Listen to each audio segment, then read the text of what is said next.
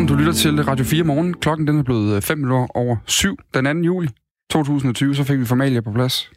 Godmorgen, Dan Grønbæk. Godmorgen, Kasper Harbo. Et par nosser i Ja. bronze. Åh, oh, ja, nu skal vi til det igen. Der står et par store øh, testikler i Aarhus, og de er lavet af bronze, og vi skal tale med en kvinde, som er så træt af den skulptur, at hun har lavet et meget langt opslag på Facebook og udtalt sig til lokale medier. Og debatten er selvfølgelig, kan man vise sådan nogle kønsdele i det offentlige rum? Det hører med til historien, at man har lavet skulpturer af nøgne mennesker i mange rum. De her, de er markant. Vi tager debatten. 2035.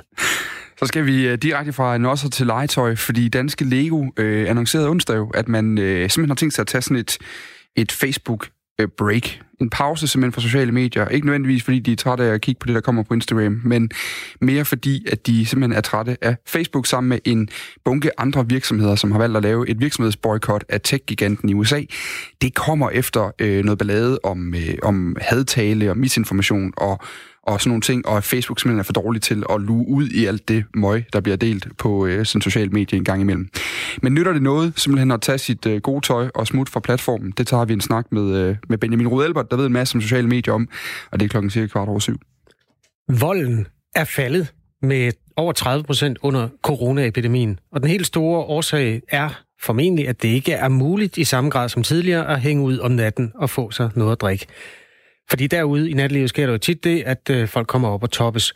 Vi skal tale med sundhedsordfører og for, for fungerende retsordfører fra Dansk Folkeparti, Liselotte Blikst, om man skal lade de her positive tal bane vejen for en ny kultur, hvor barer og værtshuse og caféer bare lukker til midnat.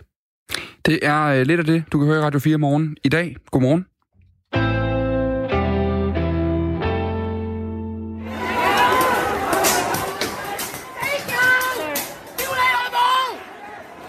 Det her, det er øh, lyden af demonstranter på gaderne i Hongkong, der simpelthen bliver mødt med øh, vandkanoner og peberspray af politiet. Demonstranterne er på gaden for at demonstrere mod en ny omstridt sikkerhedslov, som vi også har fået sagt nogle gange på det seneste. Øh, Den trådte i kraft i går, og den åbner op for, at demonstranter kan idømmes fængsel på livstid, blandt andet. Godmorgen, Torm Aarup. Godmorgen. Godmorgen. Du har tidligere i år været på gaden og protestere, protestere med øh, de her øh, demonstranter. Du er nu i Danmark, men holder kontakt med øh, demonstranterne i Hongkong. Tusinder var på gaden i går, og ifølge CNN så blev 100 øh, af demonstranter arresteret. 10 af dem sigtet for at bryde den her nye sikkerhedslov. Er du overrasket over, hvor mange der gik på gaden nu, hvor demonstranterne mod den øh, nye lov pludselig risikerer øh, langt mere end tidligere? Ja, netop, netop derfor er er jeg ret overrasket over, at der kom så, øh, øh, så mange på gaden og, øh, og så vedholdende i så lang tid. Øh, netop fordi, at, øh, at den nye lovgivning, den er meget bøjelig, den er meget elastisk i forhold til, hvad der kan falde ind under øh, sikkerhedslovgivning. Og, og det vi har set øh, med de 10, øh, der blev anholdt netop for øh, overtrædelse af den lovgivning, jamen der var det fordi, at de øh, bar flag eller, eller klistermærker, hvor der stod enten øh, øh, befri Hongkong, vor tids revolution, eller, øh, eller som plæderede for, øh, for Hongkongs uafhængighed. Øh, så det er, øh, og, der, og der er strafferammen øh, ret høj, og, og, øh, og jeg, altså efter alt at dømme, så kommer Hongkongs øh, regering til at gå meget målrettet efter at få, øh, få stat ud af eksempler øh, over for, for de lovovertrædelser. Og, og netop derfor er det, er det overraskende at se så mange være på, på gaden i går. Mm. Du har jo talt med nogle af dine øh, venner, som gik på gaden, og var, var nogle af dem, der var ude og demonstrere. Altså, hvilke, hvilke forholdsregler forsøgte de, eller tog de sig for at undgå at, at blive fængslet af politiet? Jamen, Først og fremmest så var- har- det været at, øh, at undgå det mest åbenlyse, netop at, øh, at, at bære øh, slogans eller banner, som, øh, som hvad kan man sige, vil, blive, øh, vil blive taget som det første af, af politiet og vil blive øh, øh, øh, retsforfulgt efter, efter den nye lovgivning.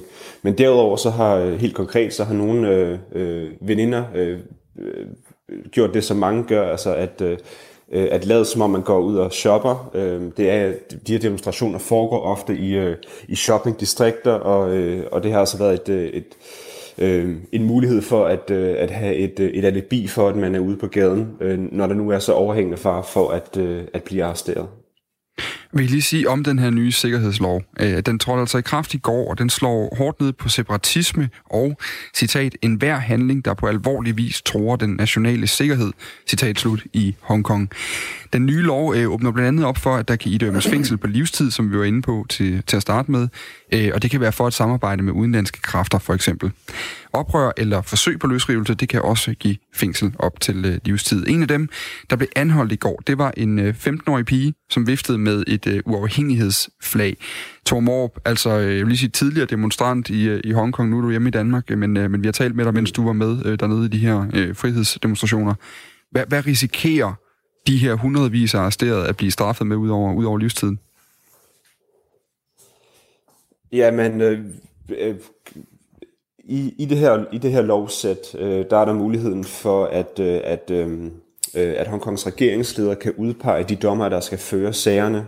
Øh, det vil i sig selv betyde, at det kommer til at være en pro-kinesisk dommer, som vil, øh, vil, vil udmåle øh, straffen, og øh, øh, i de tilfælde, øh, i andre tilfælde vil, vil der være mulighed for at, øh, at simpelthen føre øh, hele retssagen fra start til slut i, øh, på kinesisk territorium, altså i, i fastlandskina, med fastlandskinesiske øh, dommer og under det retssystem, som, øh, som de har der, som er øh, markant mere politiseret end, øh, end i Hongkong, hvor at, øh, Kinas kommunistparti står over øh, domstolene.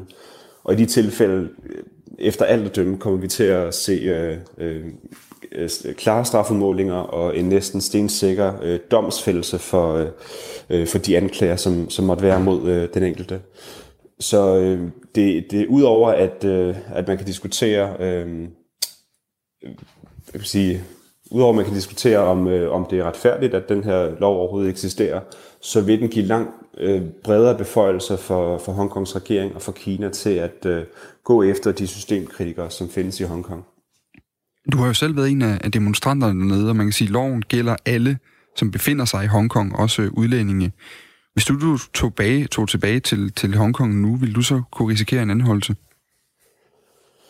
Øh, ja, fordi at øh, retsområdet, som loven øh, omhandler, det er faktisk hele verden. Øh, jeg kan også for handlinger, jeg begår i Danmark, blive straffet i Hongkong, øh, hvis jeg træder ind på Hongkongs territorium. Så hvis jeg står her i den her udsendelse og plæderer for Hongkongs uafhængighed, hvilket jeg ikke har nogen holdning til, øh, så vil jeg, øh, så vil jeg øh, helt afgjort være, øh, være et mål for, øh, for, øh, for, for Hongkongs retsinstanser. Altså de vil kunne idømme mig fængsel på samme vilkår, som hvis jeg havde sagt øh, samme ting i Hongkong. Og det er en, øh, en markant forværing af, af Hongkongs retstilstand i forhold til, hvad vi har set hidtil. Så det er simpelthen... Kan, kan du være nervøs for at kommentere her egentlig? Altså hvis du siger noget, nogen kan mene er forkert? Øh, nej, mine holdninger har været meget klare hele vejen igennem, øh, når jeg har øh, deltaget forskellige steder. Øh, jeg, har, jeg, jeg, jeg gør mig ikke til herover, om Hongkong skal være uafhængigt eller, øh, eller ej fra Kina. Øh, jeg tager stilling til, til, til principperne omkring øh, borgerrettigheder i Hongkong og, øh, og øh, fri presse osv. Øh, men det, det er klart, at... Øh, at, det er, at, at Hongkong er lige pludselig med et her blevet markant øh, mere risikabel for en som mig, eller øh, mere profileret øh, tilhænger af Hongkongs frihed i udlandet, som, øh, som i jævne mellemrum øh, besøger øh, kolleger og, øh, og organisationer i Hongkong. Mm. Det er blevet markant mere øh, farligt for dem at øh, bevæge sig ind på Hongkongs territorium nu.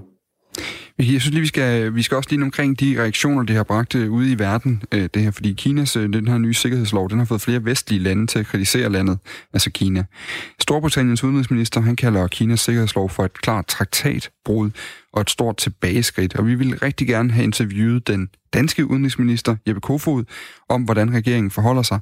Han har ikke ville stille op til interview, men siger til citat til Radio 4, at Danmark har sammen med en bred kreds af ligesindede lande i går i FN's menneskerettighedsråd i Genève støttede en erklæring, der udtrykker klar kritik af loven og rejser bekymring for, hvad loven vil betyde for befolkningen og den videre udvikling i Hongkong. Også et samlet EU har taget afstand fra loven, som vi mener kan underminere fundamentale rettigheder og friheder. Situationen i Hongkong er stærkt bekymrende, citat slut. Når du taler med demonstranter i Hongkong, øh, Thor Morb, hvad siger de så til de reaktioner, der er kommet fra Danmark og fra andre vestlige lande? Jeg tror, at dem, jeg har talt med om, øh, om de politiske øh, reaktioner fra udlandet, har generelt haft den holdning, at okay, det er noteret, men det kommer ikke til at gøre nogen forskel for os, fordi at det her det er et vigtigt princip for Kina at øh, genforene øh, landet med Hongkong. Og, øh, og hvis der ikke følger enten sanktioner eller, eller nogle mere håndfaste øh, initiativer fra vestlig side med, jamen så, så er der ikke en, en øh, altså, så er, der, så er der ingen chance overhovedet for, at det vil ændre noget, uanset hvor, hvor, hvor, hvor ramsalget den kritik fra EU og FN så ellers måtte være. Det kommer ikke til at gøre nogen forskel overhovedet. Tak fordi du var med her til morgen, Tom Aarup. Selv tak altså pro-demokrati-aktivist, øh, øh, for at være med, altså for at fortælle situationen øh, blandt øh, demonstranterne i Hongkong. Som sagt, vi ville gerne have spurgt udenrigsminister Jeppe Kofod, hvad Danmark helt konkret vil gøre ved den situation, han selv kalder stærkt bekymrende, hvilke skridt øh, vi er klar til at tage for at vise utilfredshed over for, for Kina, men ministeren ønskede altså ikke at stille op til interview. Vi vil øh, dog fortsætte med at prøve at forsvare for ham på, øh, hvad øh, konsekvensen skal være for Kina på det her brud med Hongkongs selvstyre. 16 minutter over syv den her torsdag morgen. Du hører Radio 4 med øh, Dan Grønbæk og Kasper Harbo i det her morgenstudie. Flere store udenlandske virksomheder har over de her sidste uger boykottet Facebook, det sociale medie. Facebook, som også er en kæmpe stor reklameplatform. Det er sket, fordi Facebook får kritik for ikke at gøre nok for at fjerne hadefuldt indhold. Den øh, liste over virksomheder, der har droppet annonceringen hos Facebook i en periode, den tæller blandt andre øh, fødevareindustrikoncernen øh, Unilever og kaffebarerne Starbucks og så selveste Coca-Cola. Og øh, nu følger en stor dansk virksomhed trop, for i går meldte Lego ud, at man de næste 30 dage ikke vil reklamere på øh, sociale medier herunder Facebook. Den skal vi analysere sammen med Benjamin Rud, Benjamin Rud Elbert, som er digital rådgiver og ekspert i sociale medier. Godmorgen. Godmorgen. Hvorfor gør Lego det her? Det gør det, fordi der har været mange, der har efterspurgt, at danske virksomheder også tog en, øh, en position i det her, og så fordi de selvfølgelig ser en CSR-vinkel i det. Altså hvis de kan gøre Lego-klodsen til mere end bare et, et stykke plastik, hmm. så er de interesseret i det. Så, øh, CSR, hvad er det? Ja, det er jo det nye CSR, at øh, hvis ikke man øh, kan gå ud og være forkæmper mod klima eller opfinde vaccine, så skal man øh, bekæmpe hate speech og øh, de store tech-giganter. Så Men det, hvad står CSR for? Jamen, det står for Corporate Social Responsibility, altså uh. at man har noget, øh, man viser, at, at man er mere end bare et produkt, at man har en, en øh, politisk holdning, og det kan jo også være farligt. Øhm, Lego går ud og trækker sin markedsføring i første omgang i 30 dage. Facebook er jo øh, reklamefinansieret. Altså det er det eneste sted, der kommer penge ind. Det er gratis at bruge platformen, når man er øh, privatperson i hvert fald. Gør det ondt på Facebook? Det gør det ikke endnu. Øh, lige nu der sidder øh, aktieanalytikere i USA og kigger på, om, øh, om aktierne de, er, de ryger opad eller nedad. Og det er faktisk, det går faktisk den, den, øh, den rigtige vej for Facebook i øjeblikket, efter de har haft et lille fald. Og så kan man sige, at, øh, at Facebook har jo omkring 8 millioner annoncører. Altså øh, Lego er faktisk en meget, meget lille fisk i det store spil, og de... Øh, de 400 andre organisationer øh, globalt, der har, der har boykottet Facebook for en tid, de er store, men så er de heller ikke større. Altså, øh, det er ikke, det er ikke noget, øh, det er ikke noget der, der endnu har lavet sådan en bule i, øh, i, i bilen på, på Facebook. De har masser af penge. Det er altså Coca-Cola, så er det kaffegiganten Starbucks, der er også tøjkæden North Face, og så er der 160 andre større virksomheder, som har meldt ud, at man ikke vil reklamere på Facebook. Øh, de her virksomheder mener ikke, at den sociale platform øh, Facebook gør nok for at fjerne hadefuldt indhold. Øhm, det sker blandt andet som led i kampagnen Stop Hate for Profit, som flere organisationer står bag. Øhm, hvad er det for noget hadfuldt indhold, som har hvad skal man sige, givet mest modstand i, i den her tid, Benjamin Rud Albert? Jamen det har selvfølgelig været, altså det er udløst, kampagnen er udløst af blandt andet, at, øh, at Facebook ikke ville flagge et Trump, øh, en Trump-post, øh, der var, der var hadefuld, som Twitter faktisk flaggede som, som hadefuld. Og det vil sige, at, at, at men i virkeligheden så har Facebook et langt generalieblad af, at de ikke har gjort nok mod hadefuldt sprog. Det er de selv indrømmet, da Zuckerberg han stod skoleret i både senatet og i, i Europaparlamentet. Mm. At de simpelthen ikke har gjort nok mod misinformation, mod hadefuldt sprog og så videre, påvirke valgkampe. Og så kan man sige, at hele Black Lives Matter-bølgen gør nu, at, øh, at nu der er altså rum for, øh, Øh, for den her koalition af borgerrettighedsforkæmpere, der har lavet den her Stop Hate Profit-kampagne, at lægge et massivt pres, øh, og, og det har de, det de lykkedes med. De startede kampagnen den 17. juni, og nu har de fået den der bølge af virksomheder til at gå ind og tage den her civil samfundsaktørposition. Og, og det er bare godt gået, og det er tiden er til det. Og, ja. Altså, hvis mange store brands eller alle trækker reklamekroner ud på en gang, kan det så ikke presse Facebook i forhold til økonomi og image for den sags skyld? Altså, det er jo heller ikke godt for, for deres omdømme, det her. Nej, det er klart, og, og lige nu der er det sådan et, et tipping point. Lige nu der er det der, hvor, man, hvor Zuckerberg og Facebook-drengene og pigerne, de virkelig skal se godt efter. Fordi det her kan lynhurtigt blive også brede sig til, at hvis små og mellemstore virksomheder også forstår, at de faktisk er en del af ligningen, at de ikke kun overlader det til de store virksomheder, fordi det er faktisk hovedsageligt øh, små og mellemstore virksomheder, som, som Facebook lever af. Øh, de store virksomheder leverer selvfølgelig mange penge, men de har altså 8 millioner forskellige annoncører Facebook. De tjener om, omkring øh, 70 milliarder øh, dollars, eller har en omsætning på 70 milliarder dollars om året på annoncer. Og det vil sige, hvis der kommer en kæmpe gruppering af også små og mellemstore virksomheder, der begynder at trække stikket, så kan det gøre meget, meget ondt på Facebook, men der er vi slet ikke endnu. Benjamin Rode Albert, jeg står lige og tænker lidt, fordi en ting er jo, at vi, hvad virksomhederne kan gøre, noget andet er du og jeg, fordi det er jo i sidste ende også ude på platformen, at de her virksomheder gerne vil have fat i, og som Facebook sælger adgang til, øh, kan man sige, til virksomhederne. Øh, en ting er virksomhedskampagnen. Vil det hjælpe noget, hvis, vi, hvis du og jeg gjorde noget? Ja, men det gør vi ikke. Altså, fordi det er en del af vores øh, hele infrastruktur, vores, øh, vores dagligdag, at vi lige om lidt, så skriver jeg til min kæreste på Messenger, at jeg nok skal øh, nå hjem og aflevere børnene. Altså, øh, der er så mange ting, der, der er integreret i vores, øh, i vores øh, Facebook-liv, i vores liv øh, fra, fra Facebook, så, så vi kan ikke undvære det længere. Og der kan man sige, at virksomhederne, det er lidt en gratis omgang i forhold til, at det, det er spørgsmål, om de kan undvære Facebook, fordi det er simpelthen så effektivt at annoncere på Facebook. Så de virksomheder ved godt, at de faktisk potentielt, når den her gode fortælling er drevet over for Lego om, at nu tager de et CSR-standpunkt, jamen så skal de altså til at finde nye annonceveje, og der kommer de til at vælge Facebook, fordi det er det mest øh, kosteffektive. De har altså 13 millioner, øh, der synes godt om det inde på en Facebook-side Lego. Mm. Mm. Du, kan lige, du skal bare sige ja eller nej og til, om den her sms er rigtig, Benjamin Rud Albert. Øh, den kommer fra Tommy. Han skriver, Lego gør det for at markedsføre sig selv. Ja. Punktum. Tak, fordi du kom. I orden. Digital kommunikationsrådgiver og SoMe-ekspert. Øhm, det hører med til historien, at øh, Facebook-stifter Mark Zuckerberg har lovet ændringer. Det sociale medie vil nu gøre mere for at fjerne hadefuldt indhold, lød budskabet. Øhm, Tommy han har skrevet en sms, der starter med R4 og et mellemrum, og sendt den øh, til 1424. Det samme har øh, Christian Knudsen har lige gjort det på ja. Præstø. Øh, han, han har i hvert fald lyttet efter, hvad Benjamin sagde her, da vi lige talte med ham. Han skriver, Lego gør det, fordi det er en gratis omgang, sparer masser af reklamekroner, men får reklamen alligevel. Ja, det er også der idioterne nu, ikke? Nu står vi og siger Lego en hel masse gange. men okay, øh, det er vel ondt. Øh, der er arbejdspladser i skidtet. Klokken ja. den er 7.23. Det hører Radio 4 morgen. Hvis EU-eliten vil belære mig om, hvad vi skal gøre med vores flag, så kan jeg godt fortælle EU-eliten, hvad den kan gøre med vores flagstang. Og så blev det pludselig kulørt. Sådan her lød det i januar i en video på EU-parlamentariker for Dansk Folkeparti, Peter Kofods hjemmeside. Kofod han havde fået fjernet et lille dansk flag, eller et lille dannebro fra sit øh, bord i parlamentet, og det var han utilfreds med. Her i løbet af sommeren, der følger vi i Radio 4 Morgen op på nogle af de historier, vi har bragt i løbet af vores sendetid her på kanalen. Og i dag der er turen så kommet til flagstriden i EU. Tilbage i januar, der havde vi naturligvis sagens hovedperson Peter Kofod med, og vi spurgte ham om, hvorfor det var så stort et problem, at han altså ikke måtte have det her lille flag stående på sit bord. Til det svarede han sådan her.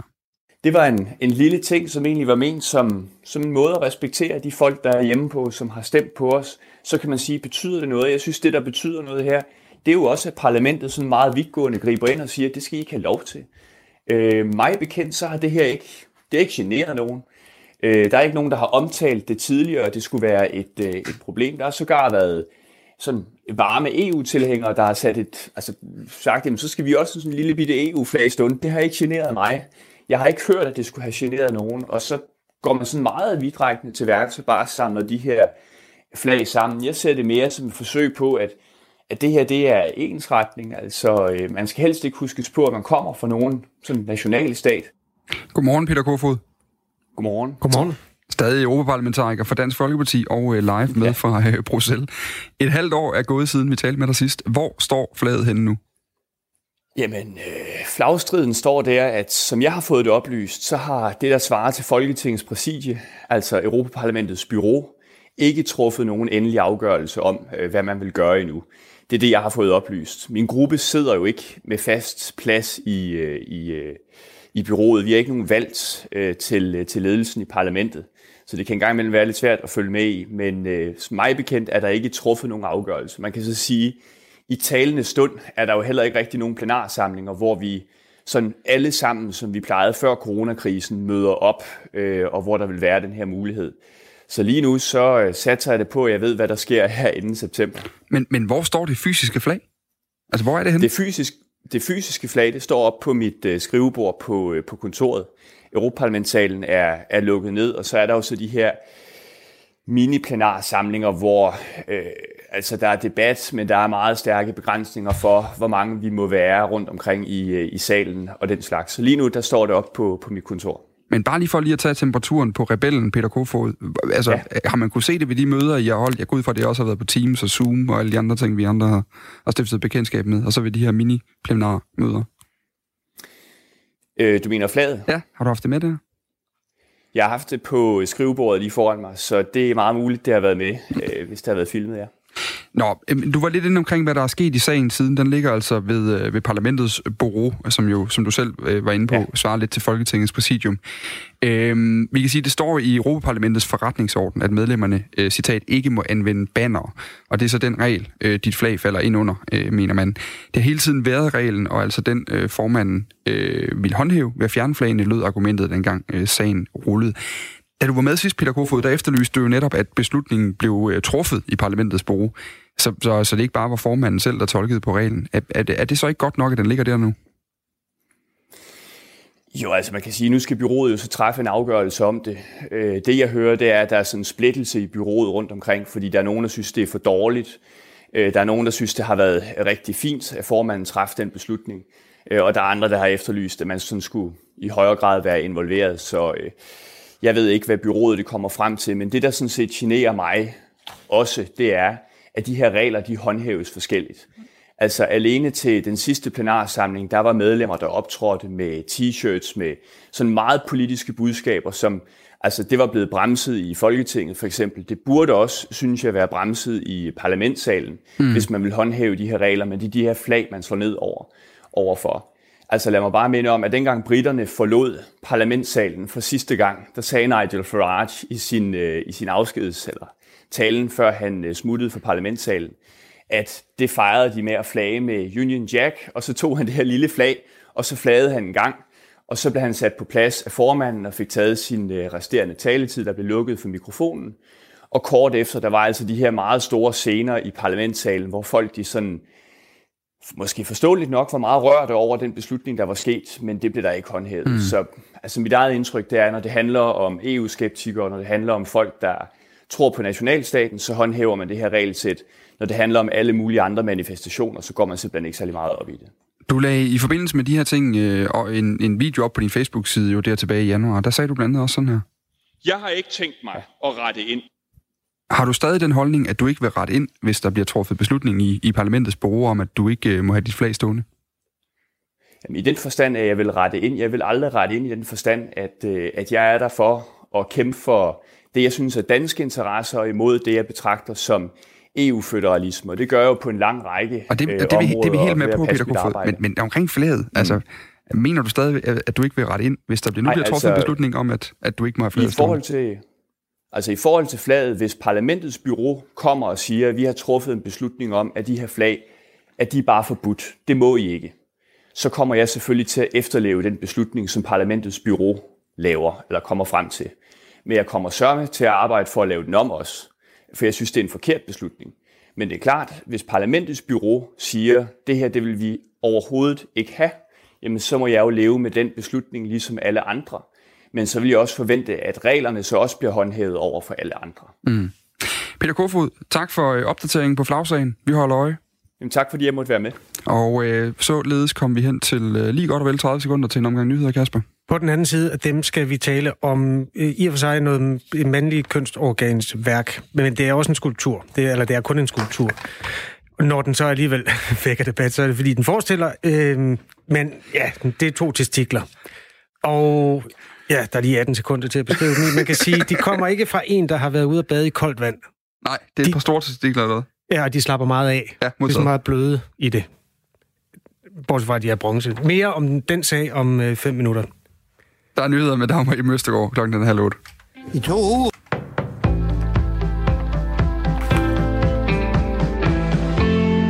Danmark pumper nu et trecifret millionbeløb fra ulandsbistanden ind i en ny vindmøllepark, der skal bygges ud for Etiopiens hovedstad Addis Ababa, det skriver Jyllandsposten i dag. I et samarbejde med en stribe private aktører skal der opføres 29 kæmpe vindmøller, der fra 2022 skal levere grøn strøm til 3 millioner mennesker, og samtidig nedbringe CO2-udslippet med 176.000 ton i det østafrikanske land. Det oplyser udviklingsminister Rasmus Prehn. Han siger til avisen, at han mener, at Danmark med projektet viser en, en helt ny vej frem for grønne ulandsinvesteringer, der både gavner klodens klima og levevilkårene i fattige lande. Prisen for vindmølleparken er 1 milliard kroner. Heraf der bidrager Danmark med en halv milliard kroner som en gave fra udviklingsbistanden, mens Danske Bank med den danske stat i ryggen låner den etiopiske regering resten af pengene. Men milliardinvesteringen i vindmøller imponerer altså ikke Stig Jensen fra Center for Afrikastudier på Københavns Universitet. Millioner af mennesker sulter i Etiopien på grund af tørke udløst af klimaforandringer, og man kunne hjælpe befolkningen på bedre og andre måder, hvis man skal bruge en halv milliard kroner, mener han. Det vil være mere oplagt at investere i såkaldte klimatilpasningsinitiativer, så man kunne brødføde befolkningen og hjælpe de allermest fattige, siger han. Forskere fra Danmarks Tekniske Universitet DTU har i årvis samarbejdet med forskere fra National University of Defense Technology, NUDT. Et universitet, som er direkte underlagt det kinesiske militær, skriver politikken. Samforskningen spænder over nye teknologiske landvindinger, som krypto, kryptologi, optisk kommunikationsudstyr, kvante, kvantefysik, batteriteknologi og navigationssystemer. Det viser politikens gennemgang af 17, 17 forskningsartikler udgivet af forskere fra DTU og NUDT. Ifølge DTU så er der tale om grundforskning, som er udført i overensstemmelse med loven og grundlæggende forskningsprincipper. Men der er altså risiko for, at Kinas befrielseshær vil benytte forskningen til at udvikle ny militær teknologi. Det siger Kina-analytiker Alex Joski til politikken. Flere Flere partier i Folketinget mener, at sagen giver anledning til at kigge på grænserne for dansk samforskning, skriver politikken. Rasmus Larsen, der er prorektor ved DTU, understreger dog over for avisen, at universitetet er en apolitisk institution, der værner om forskningsfriheden. Og det betyder blandt andet, at forskere frit kan vælge mellem, hvem de samarbejder med. Forskningsminister Ane Halsbo Jørgensen siger til politikken, at hun ønsker en diskussion af dilemmaer forbundet med internationale forskningssamarbejder. Flere stemmesedler, som blev afgivet ved et valgsted i Moskva under gårdsdagens afstemning om forfatningsændringer i Rusland, er blevet erklæret ugyldige. Det oplyser vicechef for Moskvas offentlige kammer, Alexei Venediktov, til det russiske nyhedsbureau TASS. Det drejer sig om et bestemt valglokale, hvor videoovervågningen afslører, at der er sket overtrædelser af proceduren for stemmeafgivelse og stemmeoptælling ifølge valgkommissionen. Resultaterne de er derfor erklæret ugyldige fra det pågældende lokale. Efter 90 procent af stemmerne på landsplan er tælt op natten til i dag dansk tid, viser officielle resultater fra landets valgkommission, at næsten 78 procent af vælgerne støtter forfatningsændringerne. Og hvis ændringerne af forfatningen stemmes igennem, kan Vladimir Putin blive genvalgt to gange mere. Dermed så kan han blive på magten, indtil han er 83 år. Vi tager en vejrudsigt til slut fra DMI. De melder om lidt eller nogen sol i dag, men altså også enkelte lokale byer nogle steder. Temperaturerne de lander mellem 15 og 20 graders varme, og det fortsætter i aften og nat med dels klart vejr og nogle byer.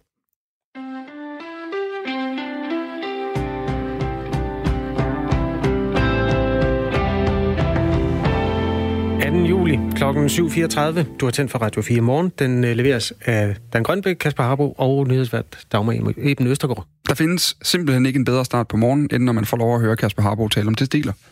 Er der en lytter, der har skrevet ind til os på sms'en? Det, det er din heldige dag, for det kommer til at ske om meget få minutter. Øhm, skal vi lige øh, vende sportens verden eller først? Ja, det synes jeg, vi skal. Øh, I går blev der spillet pokalfinal i herrefodbold. Øh, den blev spillet i Esbjerg på øh, Blue Water Arena. Øh, det var OB op fra det nordjyske, der mødte Sønderjyske fra det sønderjyske. Og øh, Sønderjyske spillede en god kamp, OB øh, spillede en dårlig kamp, og så sker der jo det, der sker, når sådan noget sker, det er, at Sønderjyske så vinder øh, kampen, og dermed også pokalen med en 2-0 sejr. Men Skal vi lige slå fast, Dan, du bor i Aalborg. Er du øh, i stand til at omtale det her uden, øh, hvad skal man sige, at, at blive biased? Ja, ja, ja, fuldstændig. Jeg kommer fra, jeg kommer fra Odense oprindeligt, og mine, øh, mine øh, sympatier, de ligger et helt andet sted. Okay, ja. jeg var også fuldstændig ligeglad med Det er den kamp. familie, familiesammenhæng, der har tvunget mig til det nordjyske. Der er ikke noget at gøre der. Godt. Ja, godt. Så fik vi på den måde også lige sat objektiviteten på plads i det her tilfælde. Men det interessante er, at selve kampen, selve resultatet, blev faktisk øh, overskygget af noget andet. Vi skal gøre opmærksom på, at kampen ikke bliver genoptaget, før en anden har fundet deres respektive pladser. Så hvis I står op, så sæt jer ned på den plads, der står med jeres billet. Så Det giver jo ingen mening, at de ikke lige kan finde ud af det. Nej, nej, reglerne Uanset, er der. uanset hvor entusiastiske de er, og så videre. ja, ikke? ja, Altså, det er klart. Det er klart. Vi kan lige sige, da han siger, hvis det er lidt svært at høre med for al øh, piften derinde, så siger øh, øh, stadionspeakeren altså, at vi skal gøre opmærksom på, at kampen ikke bliver genoptaget, før alle har fundet deres respektive plasser. Hvis I står op, så sæt jer ned på den plads, der står på jeres billet. Ja, selvfølgelig rykker coronaen også ind i den danske pokalfinale. Den har Det sat sig præg alle steder. Det må man sige. Det var en gruppe OB-fans, som fik den her kamp afbrudt efter 27 minutter spil. Ja, øh, fordi de ikke overholdt øh, coronareglerne om, at alle tilskuere skal blive øh, siddende på deres sæde med god afstand, som vi også hører øh, TV3's kommentatorer, Carsten Vave og Stig Tøfting sige her. Og sådan fortsatte det, Kasper. Der gik 8 minutter. Nu render der endelig nogle OB folk over. Jeg tror, det er Augustinusen og, ja, og Wirtz. Og, ja, Wirtz, ja. De to nye assistenter. Men selv ikke de to OB-legender, Augustinusen og Wirtz, øh, med fornavnene Thomas og Rasmus, øh, som ellers har en stor stjerne blandt fansene på grund af rigtig mange kampe i den der boldtilstribede trøje, de kunne heller ikke få den her problematiske gruppe af OB-fans til at sætte sig ned. Så der skulle gå hele 14 minutter, før at de pågældende personer var blevet fjernet fra stadion, og kampen igen blev sat i gang. Og nu tager vi en dyb indånding, Stig, og så glæder vi os til at se noget bold. Skal vi ikke gøre det? det. Er du klar på det? Ja. Pas på, knapperne ikke springer. Ja, smukt. Fik vi lige en vævejoke med os. Øh, og det her det er noget bøvl for fodbolden på rigtig mange måder, for lige nu der er der jo forhandlinger i gang om, hvor mange fans, der må komme ind til de her Superliga-kampe. Øh, et flertal af Folketingets partier og divisionsforeningen, som står bag ligaen, de mener, at man godt kan hæve tilskuertallet allerede nu, og fra næste sæsonstart, der kan man endda køre med fuld kapacitet. Regeringen, de er lidt mere skeptiske, og i går, der kunne alle så lidt nervøst kigge op mod kulturminister Joy Mogensen, der sad på tilskuerrækkerne. Hun var ikke en del af den her problematiske OB-gruppe, skal jeg huske at sige. Øh, men hun kunne altså simpelthen se den der skepsis blive bekræftet af en mindre gruppe af fans, der ikke kunne overholde retningslinjerne. Det er også historien om et samfund, der ikke rigtig har fundet sine ben at stå på i det her, fordi der er jo, altså, der har været demonstrationer, hvor der har været 15.000 på en kvadratkilometer i København, ikke? Jo, og så skal, er der en anden lille mærkværdig detalje ved den her historie, og det er, de her, den her gruppe af fans, altså sådan, det er jo decideret nærhedshungerne, de har hudsult, som Allan Olsen ville sige, øh, de blev eskorteret fra tribunen af politiet, og så vælger ordensmagten bagefter simpelthen at placere dem i et såkaldt futtog udenfor. Hvor de sidder, altså, de sidder på røven øh, bag, Du sidder- bag hinanden. Yes, du sidder, du sidder sådan inde i... Øh, inde, ja, faktisk, altså sådan, den anden, man sidder med spredte ben, så sidder den anden sådan lige op ad dig, agtig med ryggen til, ikke? Og så sidder man og har sine arme øh, låst fast bagpå, så de bliver simpelthen fjernet fra stadion for at stå tæt på hinanden, og så bliver de så placeret endnu tættere på hinanden lige uden for stadion. Og på den måde kan man sige, det er jo bare totalt forvirring. Det er en vanvittig tid. Klokken den er øh, 22 minutter i 8. Nå, øh, Dan Grønbæk. Ja. Det er et par testikler, det kan vi da godt blive enige om, øh, som er lavet i bronze. Jeg står med et billede her. De er, det er en skulptur, der vel er en, 75 cm eller sådan noget i bredden. Det er ikke fordi, den i den forstand er kæmpestor, men den er stor nok til at skabe ravage. For den forestiller to øh, testikler, som øh, ja, er anbragt på en, et lille pedestal, nu øh, foran det, der hedder Godsbanen i Aarhus. Og det er jo altså... Øh, hvad skal man sige, det, det, det har været en lang og fantastisk rejse, for inden da er skulpturen blevet afvist af flere kommuner. Aalborg Kommune sagde nej tak, Christiansborg, Samsø Kommune nej tak. Øhm, skulpturen den vejer 15 kilo, og øhm, den er ifølge kunstneren en hyldest til alle dem med nosser. Sådan metaforisk talt. Ikke bare mændene, men dem, der ligesom tør noget. Øh, vi har fået besøg af Trine Rytter Andersen, der er uddannet billedhugger. Godmorgen. Godmorgen. Og kunstanmelder igennem mange år. Det her kunstværk, det hedder Balls Tell It All. Du kan ikke lide den. Hvorfor? Øh, jeg kan ikke lide den, fordi jeg synes, den er plat. Øh, simpelthen hammerne plat, og øh, fordi at den står et forkert sted. Hvad vil være det rigtige sted? Det rigtige sted ville være et sted, hvor øh, den gruppe af mennesker, som øh, har med det, har, altså bor og lever i det område, har sagt ja tak til lige præcis den skulptur. Mm. Den er overtydelig, det er mit problem med den. Overtydelig? Ja. Hvad betyder det? Jamen, det er øh, en problematik inden for øh, skulptur og billedkunst, når tingene bliver øh, endimensionale. Øh, man, kunne, man kunne have set det, hvis du nu for eksempel havde haft Giacometti til at lave det, eller Brancusi, som er nogle store forbilleder inden for i skulpturtraditionen, så havde de arbejdet meget mere abstrakt med tingene. Og så kunne man måske have, have fået andre læsningsmuligheder ind i det. Nu er der godt nok nogen, der siger, at den ligner en fugl uden hoveder, og nogle meget slatte vinger. Jeg kan ikke rigtig få øje på det. Jeg kan slet ikke få øje på det, men det, der er forskelligt. Der er åbenbart nogen, der også lykkes med at læse den her. Jeg læser den også som sækløg eller kålhoveder. Men, øh, men om, altså, det er, det er nosser. Ja, det er det da. Og det er der ingen tvivl om. Er du ikke bare sippet? Altså, er det fordi, du har noget imod øh, sådan kønsdeling? Kønsorganer? Ja. Nej.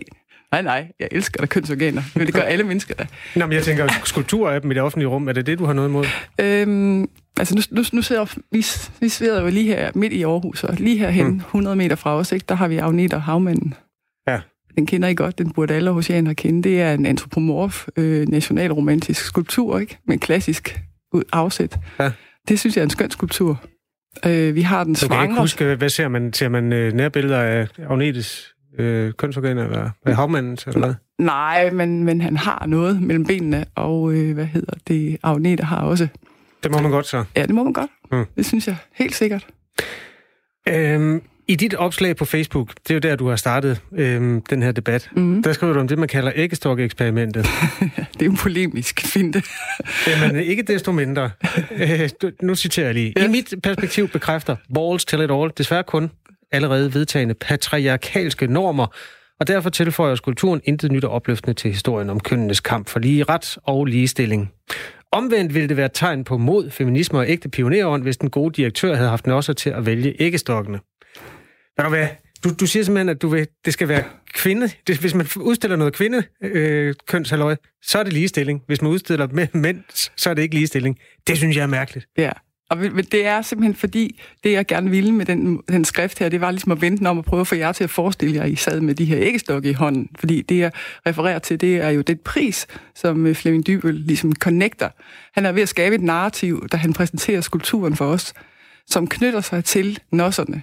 Hmm. Fordi han har jo også fået lavet de her håndvendelige bollesæt, som han gerne vil uddele til folk, der har nosser. Ja. Og så er det, jeg ligesom laver den her omvendte ting, og så siger, altså hvad, hvad nu hvis vi så, lad os nu kigge på det, og så prøve at sige æggestokkene, hvordan vil vi have det med det?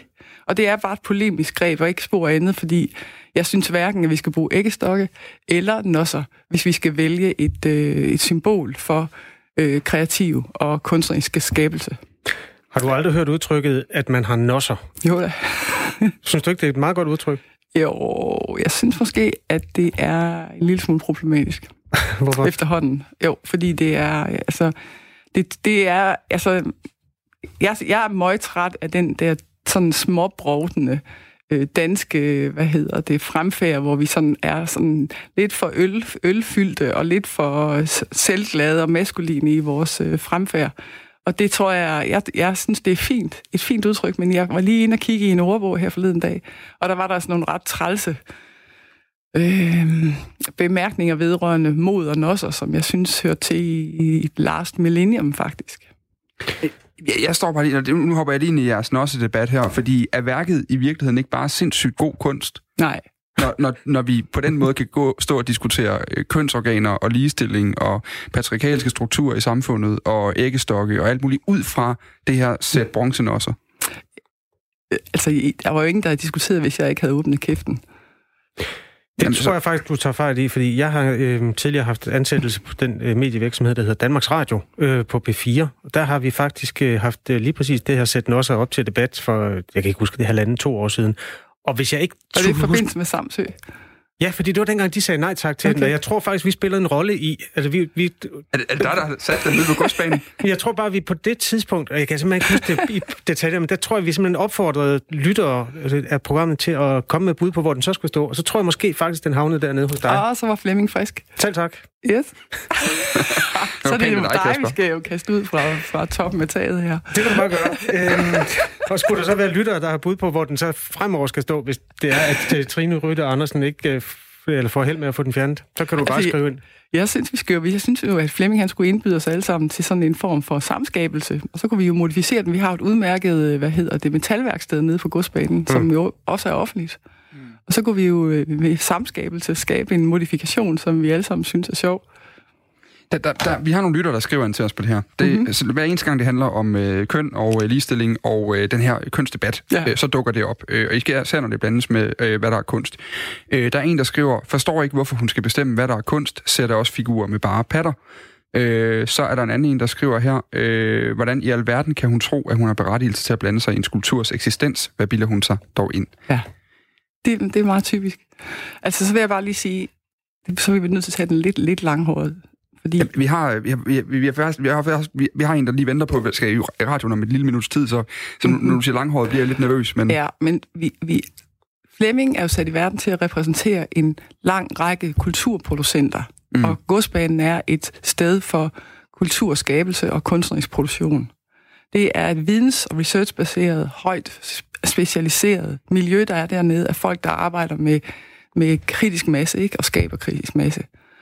Og hvis han skal repræsentere os, og skulpturen skal repræsentere os, og den skal deles ud som en pris i det miljø, så er det en forkert cast simpelthen. Og det er derfor, jeg kritiserer den. Jeg vil mm. aldrig have kritiseret den, hvis den havde stået op i Rådhusparken. okay. Tak fordi du kom, Trine Rytter Andersen. Uddannet billedhugger og kunstanmelder gennem mange år, og jeg skal love for, at der også bliver anmeldt kunst her. Ja, Vi tager de to sms'er. Øh, Kasper Ølmann skriver, stil den foran Kvindemuseet. Og der er en anden, der skriver, flere ølglade nosser i bybilledet. Tak. Klokken er 14 minutter i 8. Ja, Og den fik vi parkeret der. ja, så, så stopper vi den. Så parkerer vi lige noget over i siden. Øh, nej, spøg side. Øh, under coronaepidemien, der er antallet af voldsanmeldelser faldet øh, drastisk. Det er en øh, ny rapport fra det kriminalpræventive råd, Syddansk Universitet og Østjyllands politi, der konkluderer, at det er coronarestriktionerne, der har fået volden til at falde. Og det er altså antallet af anmeldelser, man måler på. De er faldet med 31 procent under epidemien. Mm. Kort sagt, når man ikke kan gå ud og få en øl i nattelivet, så er der mindre vold. Og det får det kriminalpræventive råd til at foreslå, at man fastholder nogle af restriktionerne på nattelivet, sådan at bare eksempelvis skal lukke tidligere. Det synes du ikke er en god idé, Liselotte Blikst. Godmorgen. Godmorgen. Godmorgen. Nej, jeg mener ikke, det er løsningen. Øh, vi, vi ser selvfølgelig meget øh, interesseret på de tal, de har øh, fundet ud af øh, i forhold til vold, men vi må også sige, at det er en periode, hvor hele Danmark var lukket ned. Mm. Og det vil sige, at det, øh, du kan jo ikke sammenligne med, hvad, hvad, hvad gør vi i fremtiden, og vil folk opføre sig på samme måde? Vil de stadigvæk blive hjemme og øh, så videre? Liselotte Blikst øh, og- har- vi med, fordi hun er sundhedsordfører, og så er hun også fungerende retsordfører for Dansk Folkeparti i øjeblikket. Beklager, jeg lige øh, kom, kom lidt bræt ind i den her nu. Men øh, man kan godt sige, øh, det, du er inde i noget interessant her, om, om man ville kunne fortsætte de her, den her positive udvikling på baggrunden eller på bagkant af, af corona ved at og for eksempel stoppe salget, der ikke var kl. 24 i, øh, i Danmark. Mm. Øh, hvorfor, hvorfor ikke fortsætte det hvis, det, hvis det fører til mindre vold, som der jo er nogen, der mener nu? Øh, fordi at vi, øh, altså jeg mener, hvis vi kigger på de tal, der er kommet frem, til det hovedsageligt København og Aarhus, der bonger ud i øh, den statistik i forhold til, hvor meget vold der er. Øh, skal vi så i hele landet lukke alle øh, beværtninger og værtshuse, fordi at der i øh, to store byer er så mange øh, beværtninger, øh, og så mange mennesker, der fester, at de, øh, de går ud over deres øh, temperament. Øh, det, det synes vi ikke, øh, at det er den vej, vi skal gå. Men der bliver også slået på tæven det på, er- øh, altså i Mariager, øh, eller andre steder, hvor der ligger værtshuse. Altså det er jo ikke kun i de store byer, der er voldsanmeldelser. Nej, men de tal, der er kommet, hvor, hvor øh, volden er gået ned, det er hovedsageligt København og Aarhus. Mm. Hvad jeg kan læse mig frem til. Øh, vi mener, at øh, værtshusene de har en, øh, en funktion i vores øh, kultur, vores dagligdag. Øh, det er øh, for mange mennesker øh, det sociale sted, hvor de møder mennesker. Øh, skal det gå ud over dem, fordi der er nogle øh, øh, øh, bøller, der har lyst til at slås, når de får alkohol? Men de bliver jo ikke lukket permanent. Øh. Vi snakker bare om at lukke til midnat.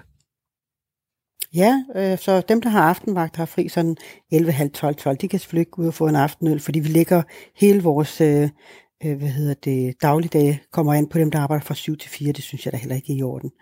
Øh, samtidig kan vi se, at der er rigtig andre tal i øh, under coronakrisen, der kom frem. Det er øh, volden i hjemmene, og den synes jeg, synes jeg, der var mere interessant at tage fat på. Der er steget med 42 procent.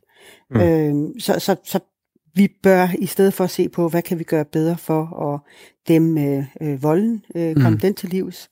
Øh, det mener jeg ligger i øh, det kommunale, øh, de kommunale bestyrelser, der ligger. Eller undskyld, der netop har bevillingsnævnet og giver de alkoholbevillinger, Ja. øh, giver nattilladelser i forhold til, hvor lang tid de kan være åben, og det er dem, der bestemmer, hvor mange værtshusbevillinger der skal være. Vi kan lige tage lige lidt uh, kort viden for dem, der ikke lige har fulgt med i, hvordan uh, nattelivet er blevet påvirket af, af, af coronarestriktionerne. Altså siden den 18. maj, hvor restauranter, caféer og værtshuse igen fik lov at åbne, der har de været pålagt at lukke og stoppe salget af alkohol ved midnat. Det har så som sagt været medvirkende til, at der under uh, coronaepidemien er sket et fald i antallet af anmeldelser af vold med 31 procent, som, uh, som Kasper Harbo sagde tidligere. Det er altså den undersøgelse, den har lavet i samarbejde mellem uh, Sydlands Universitet, det Kriminalpræventive Råd og uh, uh, Syd- og Sønderjyllands politi. Det giver anledning til en diskussion om, at vi øh, mere permanent jo skal tvinge natlivet til at lukke tidligere. Liselotte Blix, vi har talt med Jonas Manov, som er analytiker inden ved det kriminalpræventive råd, og han øh, siger sådan her om erfaringerne fra vores øh, nabolande. Der har vi øh, forskning fra Norge, der viser, at jo længere tid øh, du holder åbent, jo mere øh, vold er der i nattelivet. Altså simpelthen, den, den er ret simpel. Færre mennesker kommer op og toppes i nattelivet, hvis det lukker tidligere. Det er simpelthen erfaringerne fra Norge. Øh, så det er ikke nødvendigvis kun på grund af corona-ting. altså, hvor, hvorfor kan vi ikke tage ved lære ved, af, af vores norske naboer? Det synes jeg også, vi skal. Jeg mener bare ikke, vi skal lave en landsomfattende øh, bevilling i forhold til, øh, hvornår man må åbne eller sælge alkohol. Øh, det mener man jo er op til den enkelte kommunalbestyrelse i forhold til de udfordringer og problemer, de har. Øh, jeg mener ikke, vi skal lukke samfundet ned. Og, altså, det er gamle amerikanske tilstand, hvor man ikke må sælge alkohol. Altså, vi kommer til at se... Men, men det er ikke det, der er tale om. Det, det, er, det er bare op til, indtil kl. 24. Altså, der, der, man kan jo i princippet bare Jamen, drikke sig fuld tidligere på aftenen. Ja, Ja, og dem, der arbejder, de kan så ikke. Altså, vi laver det kun for en, en del af, af borgerne. Og de kommuner, hvor der ikke er problemer, de skal så også lukke, fordi der er nogle øh, bøller i en anden øh, kommune, der laver ballade. Ej, ved du hvad, det er ikke sådan, vi skal lave lovgivning. Det må være den enkelte kommune, der bestemmer, hvilke bevillinger, der bliver udskrevet, hvem der får nattilladelse, og hvordan de øh, sikrer, der er politi på gaden til at tage sig af den vold, der er. Amerikanske tilstande er det nu ikke, men det er engelske tilstande, fordi i Storbritannien har man ja. haft øh, lignende forhold igennem mange år, hvor popperne simpelthen bare øh, kører en anden kurve og lukker omkring midnat. Der er vist nogle steder, der har, har mulighed for at servere indtil klokken to eller sådan noget, men generelt har man jo en fin popkultur i England. Tror du ikke godt, det kunne komme til at fungere i Danmark også? Nu kender jeg ikke den engelske popkultur. Nej, det er synd for dig. Det skulle du prøve. kultur. nu ved jeg bare den kultur, vi har i Danmark, og jeg synes, øh, jeg, jeg, jeg, jeg må jo sige, at jeg tror ikke, det vil fungere, hvis vi går ud og siger, at alle steder, så er det slut med alkoholservering efter 24. Altså, det, øh, det, det tror jeg ikke på. Jeg mener ikke, det er den vej, vi skal komme volden til livs. Øh, jeg er bange for, at man finder andre måder at mødes på. Øh, danskerne er ikke altid som de andre, de er trodsige, og det kan vi også se nu, når man fester på, på øh, kajer og, mm. og græsplaner rundt omkring. Altså, vi flytter bare problemet. Så lad os nu øh, sørge for at gøre det ordentligt, i stedet for at forbyde og også ud af et problem. Vi kan lige sige, altså vi har for eksempel en lytter, der skriver til os, det er Lars Madsen. Han skriver, hvorfor skal der være åbent til klokken 6 om morgenen? De unge mennesker kommer først i byen klokken 1 om natten og er allerede fulde. Lukker de klokken 2 om natten, drikker de unge mennesker i byen øh, i stedet for øh, derhjemme, skriver han. Der er også til TV2, der har talsmanden for restauratørerne i Jomfru i Aalborg, et af øh, landets største sådan, øh, festcentrummer. Øh, han hedder Henrik Fod Jensen. Han siger, at han synes, det er en god idé, at barnet lukker tidligere, hvis man på den måde kan undgå voldsepisoder. Øh, du, vi, vi hører det her argument om, at det er den enkelte kommune, der bør træffe beslutning om det. Burde, øh, øh, nu nævnte du Aarhus og København før, og Aalborg for eksempel også, hvor der er en stor øh, festkultur øh, i Jomfru Burde de så træffe beslutninger om, at man simpelthen lukker tidligere, og så undgår øh, den her tredjedel af voldsanmeldelserne? Ja, jeg mener, det er kommunen, der, der skal sætte... Øh, Men så du gerne, man gjorde det så i de store byer? Det er jo okay som folk. Så du så gerne, at de kommuner i de store byer gjorde det. Det er jo okay som folketingsmedlem også at mene noget om.